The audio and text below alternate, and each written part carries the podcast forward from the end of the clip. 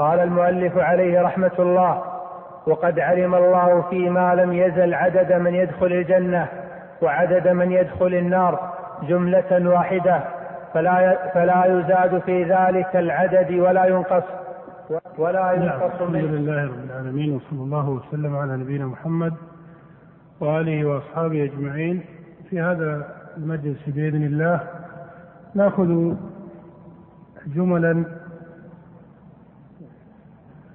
قد تكون كثيرة حسب العادة لكن بكون أكثر هذه الجمل قد تقدم الإشارة إلى مدلولاتها في بعض عبارات المصنف المتقدمة.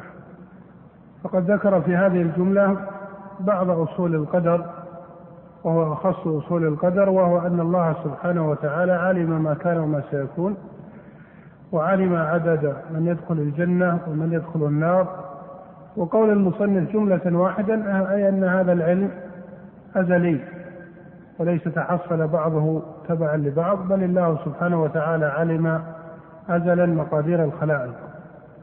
والإيمان بعموم علمه كما تقدم أنه إجماع للمسلمين ومن نفاه أو أنكره فإنه كافر بالإجماع. وقد أجمع على ذلك السلف بل وجمهور الطوائف فإنهم نصوا على كفر من أنكر ذلك.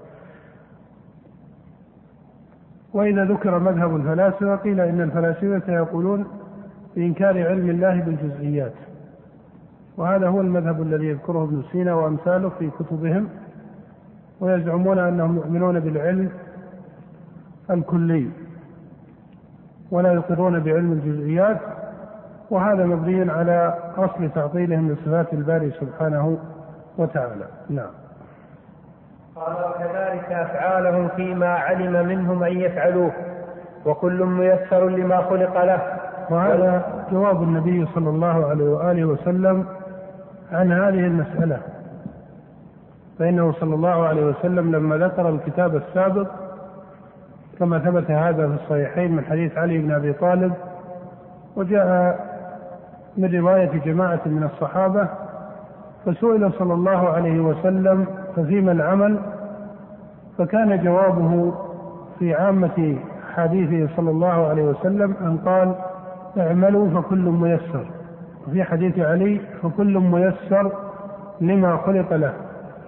ومعنى هذا أن الفعل والعمل وإن كان من العبد وأن العبد وإن كان له إرادة ومشيئة على الحقيقة وأنه يفعل بإرادته ومشيئته واختياره إلا أن الله سبحانه وتعالى هو الهادي وهو الذي يضل من يشاء. وهذا معنى قوله فكل ميسر لما خلق له أي أن أهل السعادة الذين كتب الله سبحانه وتعالى أنهم سعداء فهم ييسرون لعمل أهل السعادة. ومن كتبه الله شقيا فإنه ييسر لعمل أهل الشقاوة. فيعمل بهذا العمل وهذا يعمل بهذا العمل. وهذا ليس مشكلا من جهة العقل. بل كما قال شيخ الإسلام وهذه حقيقة معلومة بضرورة الشرع أن جوابه صلى الله عليه وسلم هو أتم الأجوبة من جهة الشرع ومن جهة العقل. ووجه ذلك من جهة العقل وإلا فإنه من جهة الشرع بين أن الله سبحانه وتعالى كتب مقادير الخلائق وكتب السعيد والشقي.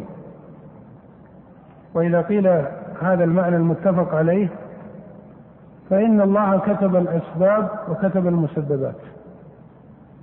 بمعنى أن الله إذا كتب عبدا بأنه من أهل النار فكما أنه كتبه من أهل النار فلا بد أن الله سبحانه وتعالى كتب له عملا بعمل أهل النار وهو الكفر وإذا كتب عبدا بأنه من أهل الجنة فقد كتب له عملا يناسب هذا المقام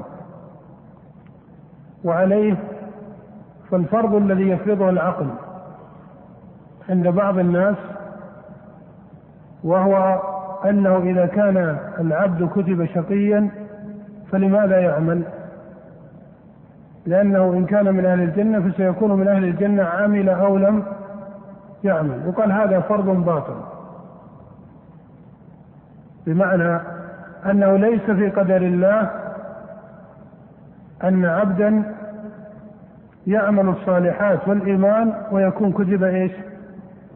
كتب شقيا في النار.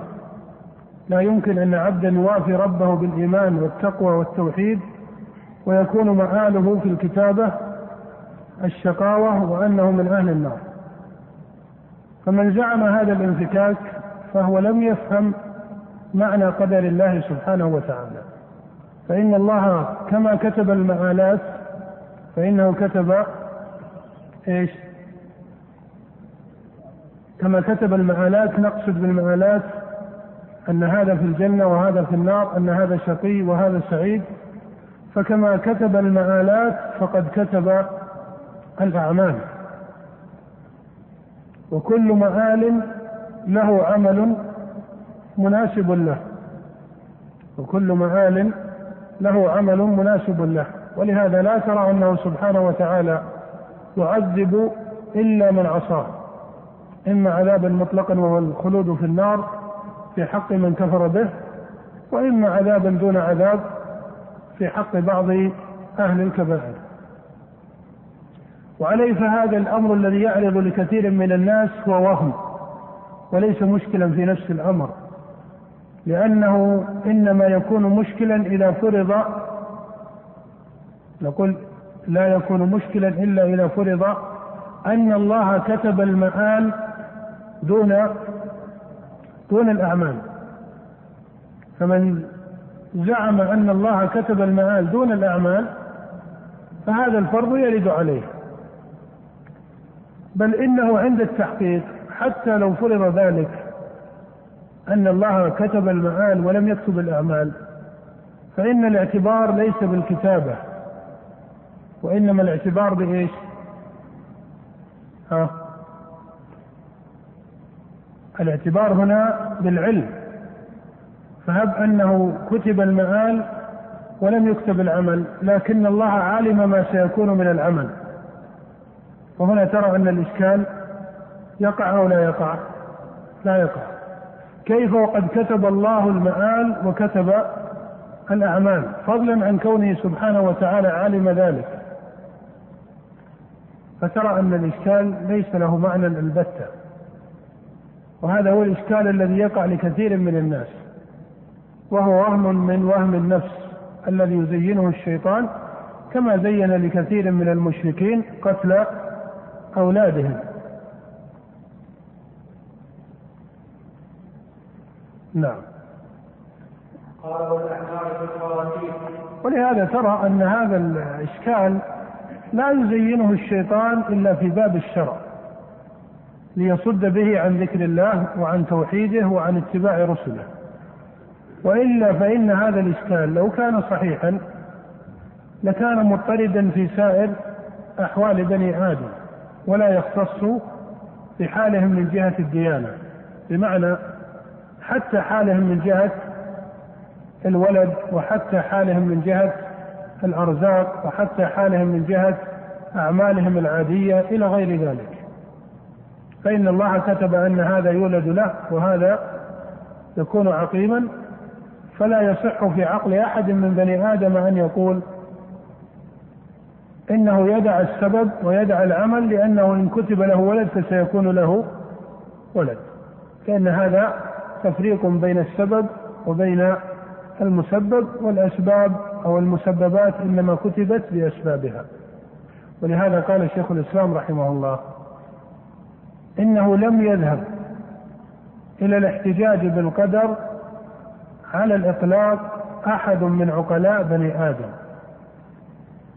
بمعنى أنه لو احتج محتج بالقدر على التحقيق لكان هذا بإجماع بني آدم ليس من العقلاء. ما معنى هذا؟ وقد احتج من احتج بالقدر وقال الذين أشركوا لو شاء الله ما أشركنا مع أنهم عقلاء. مراده بذلك أن القدر ليس مختصا بباب إيش؟ بباب الشرع. فكما أن الشقاوة والسعادة بقدر فكذلك الولد بقدر وكذلك العدوان الذي يقع على الشخص بقدر والبر الذي يلحقه بقدر وهلم جرا؟ فإن الله قدر كل شيء. قال شيخ الإسلام فلازم من احتج بالقدر على إسقاط الشرع أو معارضته أنه لا يلوم من اعتدى عليه فإن الذي اعتدى عليه إنما اعتدى عليه بإيش؟ بقدر.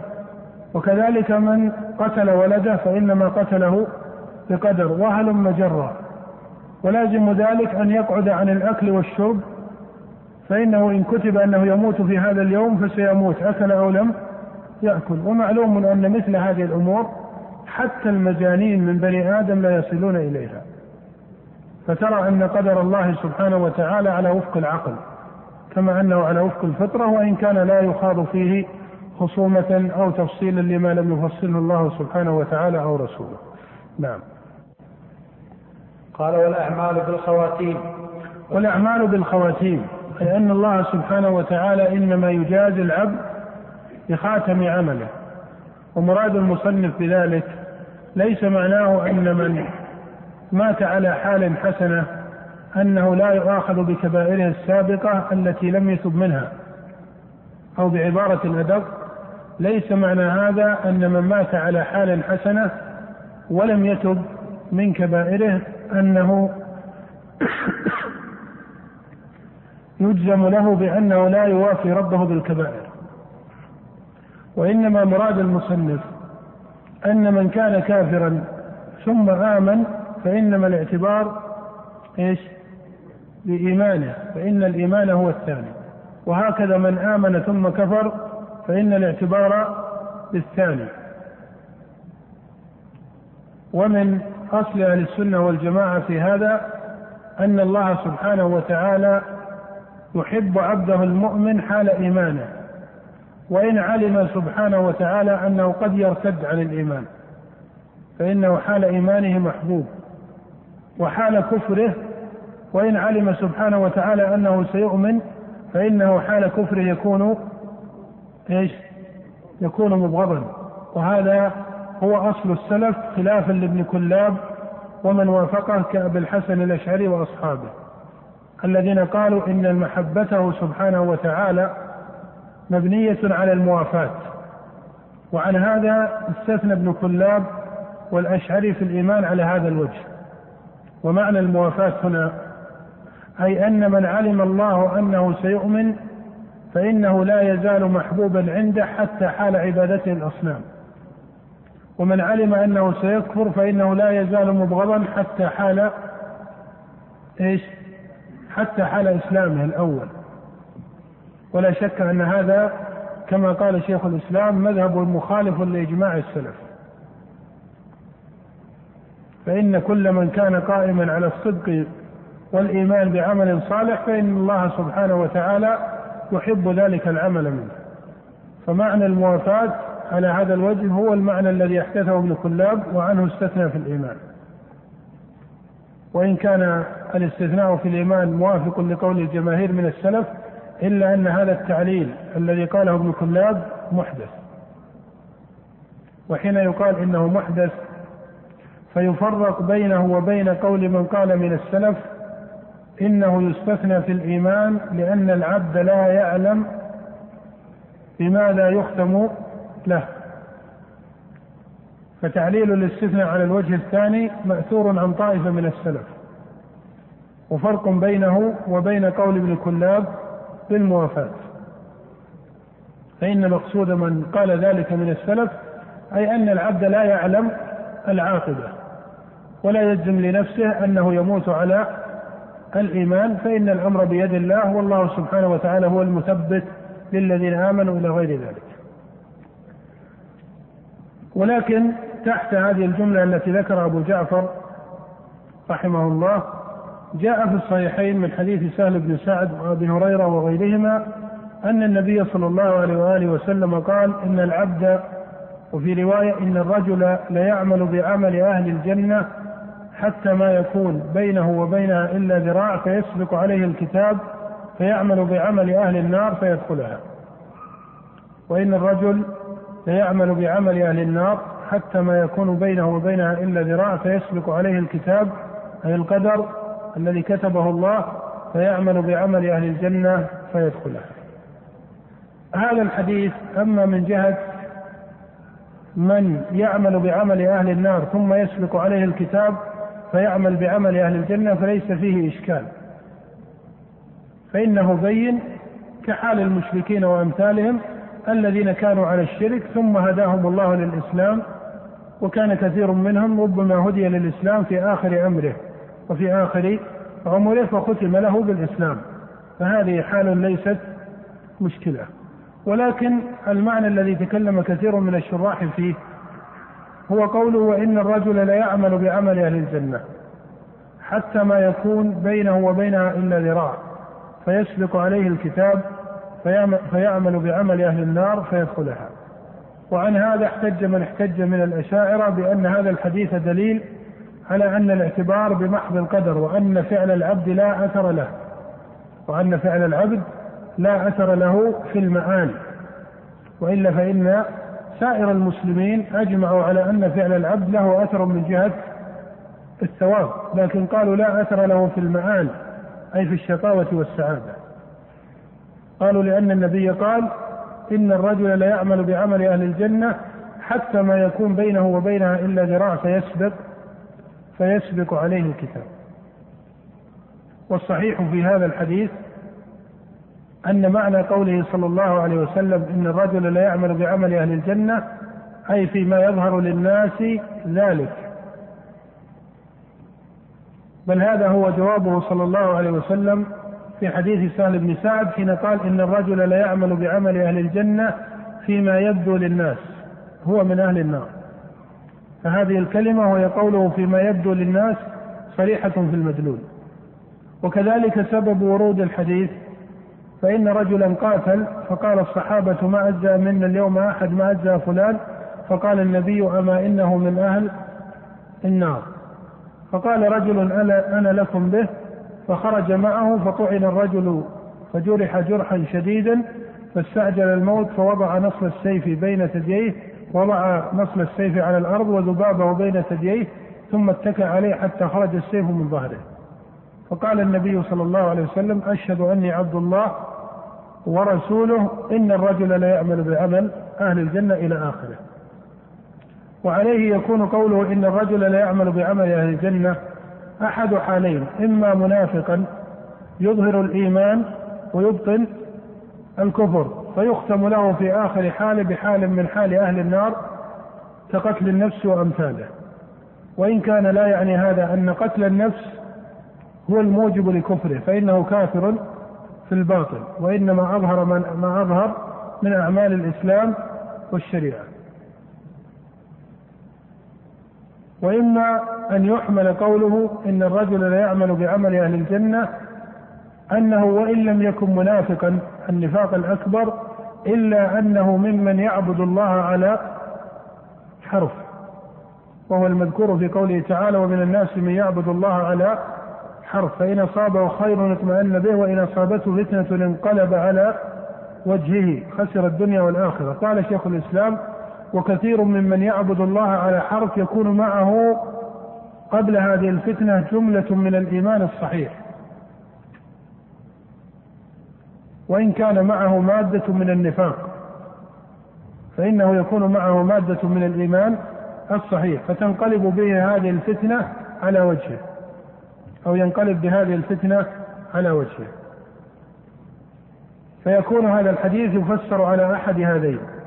وأما من آمن وصدق في الإيمان ولم يعبد الله على حرف بل صار مؤمنا محققا لأصول الإيمان وإن كان يعتريه ما يعتريه من المعاصي ويعرض له ما يعرض حتى من الكبائر فإن هذا لا يعرض له هذه الحال بجهة مختصة من القدر.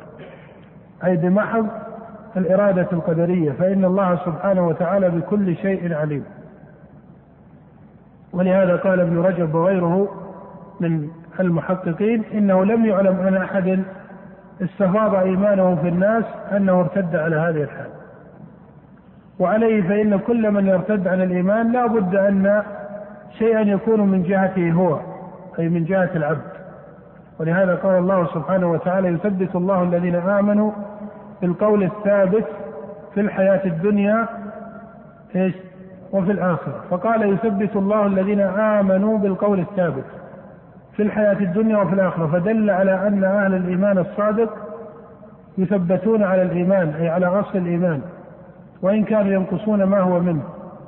فإن الله يثبتهم على أصل الإيمان في الحياة الدنيا وفي الآخرة. ثم قال ويضل الله الظالمين ويفعل الله ما يشاء. أي أن من ختم له بعمل أهل النار فدخل النار فإن هذا لا بد أن يكون من جهة ظلمه لنفسه. إما لكونه في الأصل منافقا وإما لكونه ممن يعبد الله على حرف. نعم. قال والسعيد من سعيد بقضاء الله والشقي من شقي بقضاء الله. نعم. وقضاءه سبحانه وتعالى كما تقدم أنه قضاء عدل. وأنه مبني على حكمته سبحانه وتعالى ولا وعلى علمه بأحوال عباده وما يوافون به ربهم. نعم.